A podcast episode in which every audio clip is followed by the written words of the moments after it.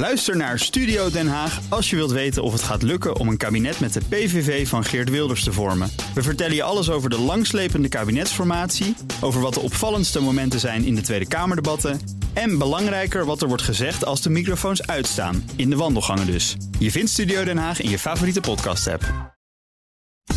Auto-update. We gaan even buurt bij Nout Broekhoff van de Nationale Autoshow. Nout, goedemorgen. Goedemorgen Bas. We beginnen met Hyundai, want een van hun succesmodellen, de Kona... die ook volledig elektrisch is, die wordt ook in Europa teruggeroepen. Waarom? Ja, nou kijk, de terugroepactie was al eigenlijk aangekondigd uh, vorige week, maar nog niet voor Europa. En er schijnt een, een gevaar voor brand te zijn in die elektrische auto. Nou, dat hebben we natuurlijk al eigenlijk vaker gehoord, hè, dat elektrische auto's mogelijk zonder dat er een aanwijzing voor is in, uh, in de fik vliegen. Nou, um, dat, dat kan dus ook bij een generatie Kona's gebeuren. Die zijn tussen september 2017 en maart 2020 geproduceerd. En nu is dus ook bekend geworden dat die auto in Europa terug moet. In totaal wereldwijd gaat het om 77.000 auto's, waarvan 11.000 in Europa slash Amerika. Uh, wat dat nou precies wil zeggen uh, voor de Nederlandse markt is niet duidelijk. Want Hyundai zal nog communiceren per land hoeveel auto's uh, terug moeten naar de garage. Maar dus weer een probleem met een elektrische auto. En dus vorige week hadden we de Polestar natuurlijk. Die had geen brandgevaar, maar daar was wel ook iets mis. Dus ja. je ziet toch veel kinderziektes in, in die, die elektrische auto's, bakken. Nou, dat blijft ja, En dan komt Steven van Eyck van de Rijvereniging vandaag met een pleidooi om een investeringsfonds voor de Nederlandse auto-industrie op te tuigen. Waarbij die zelf geld meebrengt en van de staat wil. Waar, waarom? Ja, nou ja, kijk, de omzet van de Nederlandse autosector loopt ver terug door de coronacrisis natuurlijk. Ja. En waar men bang voor is, is dat er ook niet meer geïnvesteerd gaat worden in R&D, in onderzoek en ontwikkeling. Mhm. Mm -hmm. En als dat niet gebeurt, dan lopen we straks achter op landen als, als China, waar natuurlijk ook veel goedkoper te produceren is. Dus waar hij bang voor is, is dat partijen niet meer in Nederland investeren, ook niet voor ontwikkeling en onderzoek. En dus heeft hij uh, een voorstel gedaan voor een investeringsfonds van 100 miljoen ja. voor innovatie, waarvan 50 miljoen de sector zelf ophoest en 50 miljoen de overheid. Ik vroeg, kan dat niet uit het Wopke Wiebesfonds, hè? Dat, dat steunfonds wat de overheid heeft, maar het zou een aparte regeling worden. Ja, er wordt een, een ja. regeling die daar buiten staat. Maar goed, je, je, gaat hem over een klein half uurtje spreken, ja. want Steven van Eyck zit straks bij jou in de uitzending. Dat dacht ik. En dan gaan we nog met een opmerkelijk bericht over Nico Hulkenberg. Ja, hij was natuurlijk invaller uh, dit weekend bij Racing Point. Maar het had niet veel gescheeld of hij had in een uh, Red Bull gezeten. Uh, Helmoet Marco heeft een interview gegeven aan de Duitse Sport 1. En hij zegt dat uh, hij vrijdagavond Nico Hulkenberg persoonlijk heeft gebeld... om zich klaar te maken voor een ritje in een Red Bull dat weekend. Oh. Want Albon, de, de uitslag van Albon bij de coronatest was niet eenduidig. Dus hij moest misschien vervangen worden door Nico Hulkenberg. Nou, toen gebeurde er op zaterdag een hele hoop andere zaken bij Racing Point.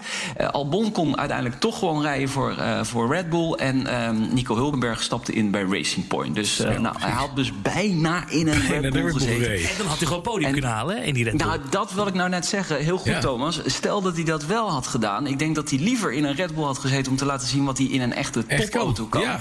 Ja, precies. Dus, uh, nou, Maar hij goed, kan eh, toch eh, wel rijden. Ik had er voor met Allard Kalvel over. Ja, De- die. Hulkenberg is altijd een talent geweest... wat er nooit helemaal lekker uitkwam. Maar nu hoefde het even niet. En nu ging het. Dan heeft Toyota de paus een nieuwe auto geschonken. Een, een Prius. Nee, ja, nou, het lijkt er wel op. Ehm, de Toyota Mirai. Oh ja, een waterstofauto. Voor de Ja, paus. een waterstofauto voor de paus. Ja, ja. Nou ja, ik moet wel erbij zeggen, de- auto kent hij al. Want hij is een jaar geleden eh, op bezoek geweest in Japan. Toen mocht hij al een keer met die auto eh, rondrijden. Ja. Er zijn er twee van gemaakt. En één daarvan is nu geschonken aan paus eh, Franciscus... om eh, Oh ja. ja. gewoon lekker rond te rijden bij, eh, in, eh, in Rome, in het Vaticaan. Daar Kan is hij die geleverd. Vaticaanstad een beetje tanken daar? Is daar Nou, waterstofpompie? dat wilde ik ook zeggen. De infrastructuur van waterstof is natuurlijk een drama. Dus Ja. ik hoop dat eh, verder komt dan dat de tank eh, hem biedt. Want eh, ja, eh, anders kom je gewoon niet zo ver. Eh, die auto gaat 500 kilometer of zo. Maar ja, ik hoop dat er ergens een tankstation is eh, in de buurt van Rome. Ah, met Gods Dat is hulp. een probleem. Met Gods hulp gaat de paus verder komen. Dan acteur Tom Cruise nog even. Die maakt de straten van Rome onveilig in de BMW.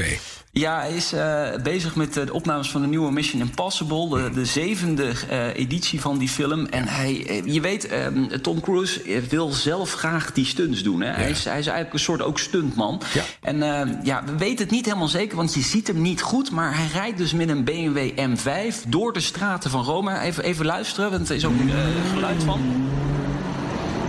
Uh, de deuren zijn opengeslagen. Die auto is eigenlijk volledig vernield. Uh, en ja, hij rijdt daar door uh, Rome mee. Denkt men, want we kunnen niet helemaal goed zien of hij echt achter het stuur zit. Maar Tom Cruise kennende ja, vast wel. hij meestal wel zelf. En ja, altijd ja, in, in Mission Impossible altijd BMW's, hè? altijd snelle BMW's. Ja, ja zeker. Ja, ja precies. BMW altijd heeft merk. daar volgens mij wel een contractje mee. Ja, wat James Bond met Aston Martin heeft, heeft uh, Tom Cruise uh, met, uh, met BMW. Dankjewel, ja. Broekhoff. De BNR Auto Update wordt mede mogelijk gemaakt door Lexus. Nu ook 100% elektrisch. Ook Diana Matroos vind je in de BNR-app. Ja, inderdaad. Je kunt live naar mij luisteren tijdens de Big Five. Ook handig in de BNR-app. Breaking nieuwsmeldingen, maar ook het allerlaatste zakelijke nieuws. En je vindt in de app alle BNR-podcasts, waaronder Wetenschap Vandaag. Download nu de gratis BNR-app en blijf scherp.